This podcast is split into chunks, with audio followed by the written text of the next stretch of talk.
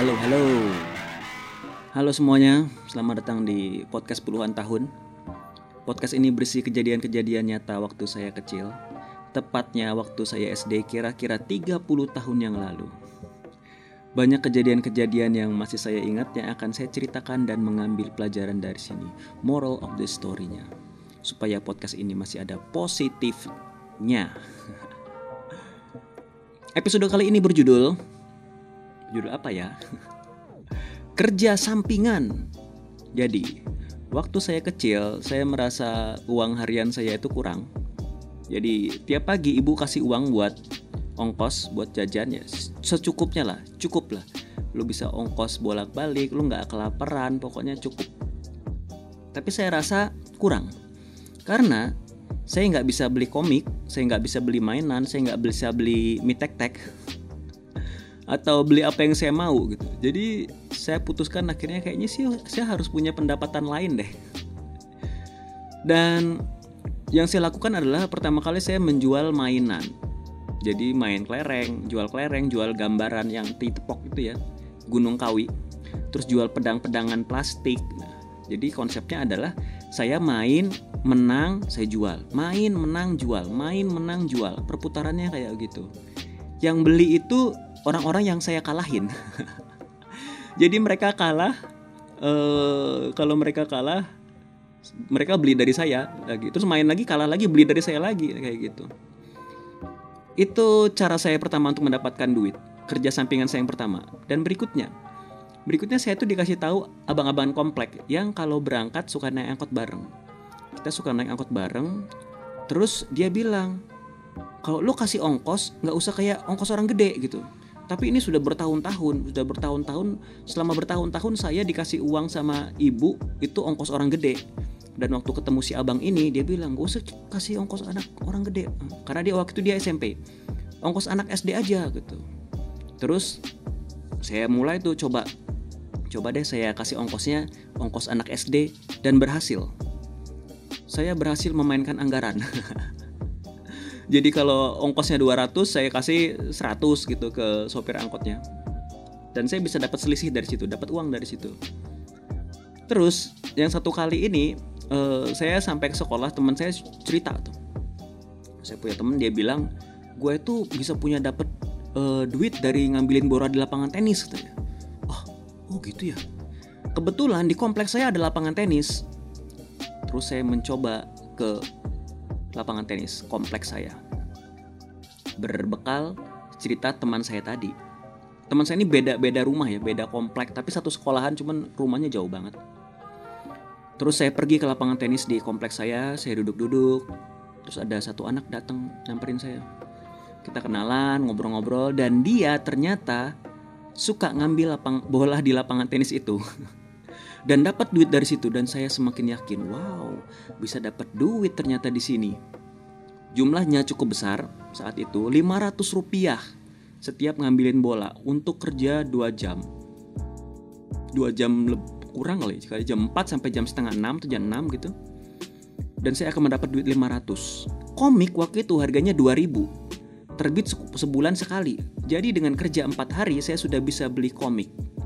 Jadi otak saya langsung berhitung-hitung tuh uch, uch, uch, uch, uch, empat hari kerja dapat beli dapat beli apa komik satu nih terus kalau 30 hari kerja dapat berapa nih gitu kan jadi saya tunggu-tunggu, tunggu-tunggu, tunggu-tunggu di lapangan itu. Kami berdua nunggu-nunggu dan akhirnya ada yang datang yang mau main tenis dan permainan dimulai. Bola out saya ambil, saya balikin lagi. Bola out saya ambil, saya kejar, saya balikin lagi. Gitu aja, nggak sulit kerjanya. Lari-lari dikit, dikit lah gitu. Nah di komplek lapangan itu ada dua, dua lapangan ya. Lapangan A dan lapangan B. Saya di lapangan B, teman saya tadi di lapangan A. Nah, kami senang lah kerja di situ. Oper-operan bola kami gitu kan. Dari jam 4 sampai hampir jam 6 sore. Setelah selesai biasanya mereka habis ganti baju mereka nongkrong-nongkrong kami berdua tuh di situ. Terus kami dipanggil dikasih duit 500 500 aduh senang banget dapat duit 500 di zaman itu. Dan pendapatan saya pun makin banyak. Inputnya juga beragam ya dari ngambil bola jualan kelereng uh, terus memotong anggaran ongkos angkot Dan besoknya gitu lagi, begitu lagi, uang semakin banyak, begitu lagi. Jadi saya bisa beli apa yang saya mau. Saya bisa beli mie tek-tek yang micinnya banyak, yang suka dilarang oleh ibu. Terus bisa beli apa aja, sate, beli komik, beli macem-macem lah seperti gitu. Satu kali, satu sore, saya tidak pergi ke lapangan tenis, saya nggak ambil bola. Saya diajak ibu jalan-jalan. Jadi saya libur dulu deh ngambil bola di lapangan tenis saya pilih jalan lewat lapangan tenis. Saya lihat dari kejauhan, wah teman saya lagi kerja. Ngambilin bola, kerja sendirian. Dalam hati saya, wih enak banget dia kerja sendirian. Dapat seribu dia hari ini. Dan besoknya saya pergi ke lapangan tenis. Pemain datang, semua datang, semua siap. Tapi teman saya ini kok nggak datang ya? Tapi karena dia nggak datang, saya malah senang. Kalau gitu hari ini saya akan dapat seribu. Permainan dimulai. Saya mulai ambilin bola, lumayan capek karena kerja sendirian kan, lari-lari dua lapangan tuh saya kerjaan sendiri. Bolak-balik bolak-balik dan akhirnya hampir jam 6. Artinya sudah selesai. Pemain-pemain udah pada ke ruang ganti, udah beres-beresin alat, saya nunggu kok belum ada kode-kode panggilan ya. Biasanya udah ada tuh. Sini sini sini sini dek dek sini dek. Ini kok nggak ada sih tunggu lu nggak ada. Satu-satu pemain pada pergi. Loh, saya mulai panik loh. Siapa yang bayar nih? Siapa yang bayar nih? Mau nagih tapi malu karena selama ini nggak pernah ditagih. Langsung dikasih gitu aja. Sampai semua pemain itu pada keluar semua dan lapangan sepi. Saya bingung kan. Akhirnya ada tukang yang juru kunci juru kunci lapangan.